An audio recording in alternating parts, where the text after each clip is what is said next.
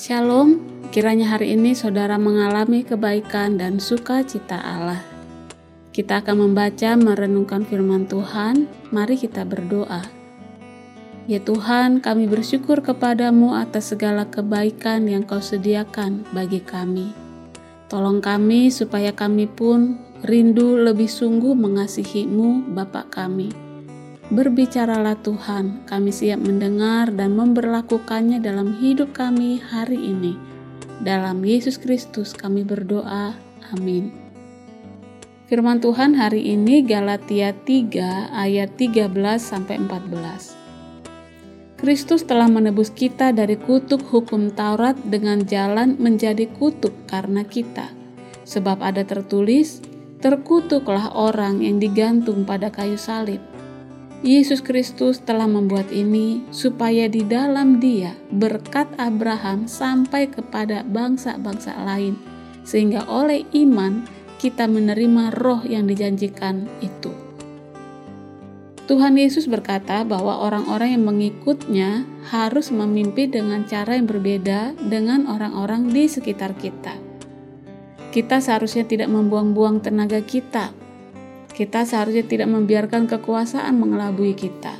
Sebaliknya, kita harus mengikuti model kepemimpinan pelayanan Yesus. Yesus berkata bahwa Dia datang, Dia tidak datang untuk dilayani, melainkan untuk melayani dan menyerahkan hidupnya sebagai tebusan bagi banyak orang. Dalam renungan hari ini, Rasul Paulus menjelaskan bagaimana Yesus melakukan hal ini. Salib adalah ekspresi utama dari pelayanan Yesus. Kita semua gagal untuk mematuhi hukum Tuhan. Menurut hukum Musa, terkutuklah orang yang tidak setia melakukan segala sesuatu yang tertulis dalam kitab hukum Taurat. Agar dibenarkan oleh hukum, seseorang harus menjaga seluruh hukum. Tidak ada yang pernah dapat melakukan ini oleh karena itu, kita semua berada di bawah kutukan. Di kayu salib, Yesus membebankan kutukan itu pada dirinya sendiri.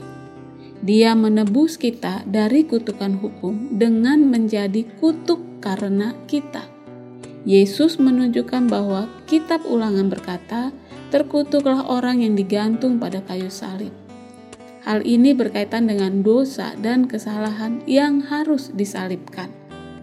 Kristus telah menebus kita dari kutuk hukum Taurat dengan jalan menjadi kutuk karena kita. Dia sengaja menempatkan dirinya dalam bahaya bagi setiap kita, saya dan saudara. Saudara kita dibenarkan hanya melalui apa yang Yesus telah lakukan di kayu salib. Di dalam dia, berkat Abraham menjadi sampai juga kepada kita, kepada bangsa-bangsa lain, sehingga oleh iman kita menerima roh yang telah dijanjikan itu. Janji Allah pada mulanya diberikan kepada Abraham dan keturunannya.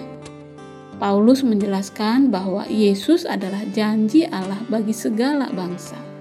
Lalu apa tujuan dari hukum itu? Hukum Taurat setidaknya memiliki dua tujuan utama, yaitu yang pertama, hukum Taurat ditujukan kepada dosa-dosa kita ia menyingkap menyingkapkan masalah. Ia mendefinisikan dosa. Ia dimaksudkan untuk mencegah dosa terjadi. Yang pertama, hukum Taurat ditujukan kepada dosa-dosa kita. Yang kedua, hukum menunjuk kita kepada Yesus. Ini dimaksudkan untuk menuntun kita kepada Kristus. Hukum Taurat adalah penuntun bagi kita sampai kepada Kristus datang, supaya kita dibenarkan karena iman. Ia menuntun kita kepada Kristus yang melaluinya kita dibenarkan oleh iman. Yesus Kristus, hamba Tuhan yang tertinggi, dengan menjadi kutukan karena kita, telah menghapus kutukan hukum. Dengan kematiannya, Dia membenarkan banyak orang kita dibebaskan dari hukum agar dapat menjadi hamba Tuhan. Mari kita berdoa. Tuhan terima kasih bahwa dalam tindakan pelayanan terakhirmu, Engkau membebankan atas dirimu kutukan yang seharusnya jatuh pada setiap kami. Terima kasih bahwa sebagai hasilnya kami dibenarkan oleh iman di dalam Engkau.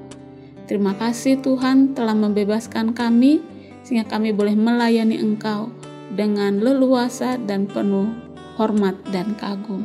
Dalam Yesus Kristus, Tuhan Juru Selamat kami. Amin.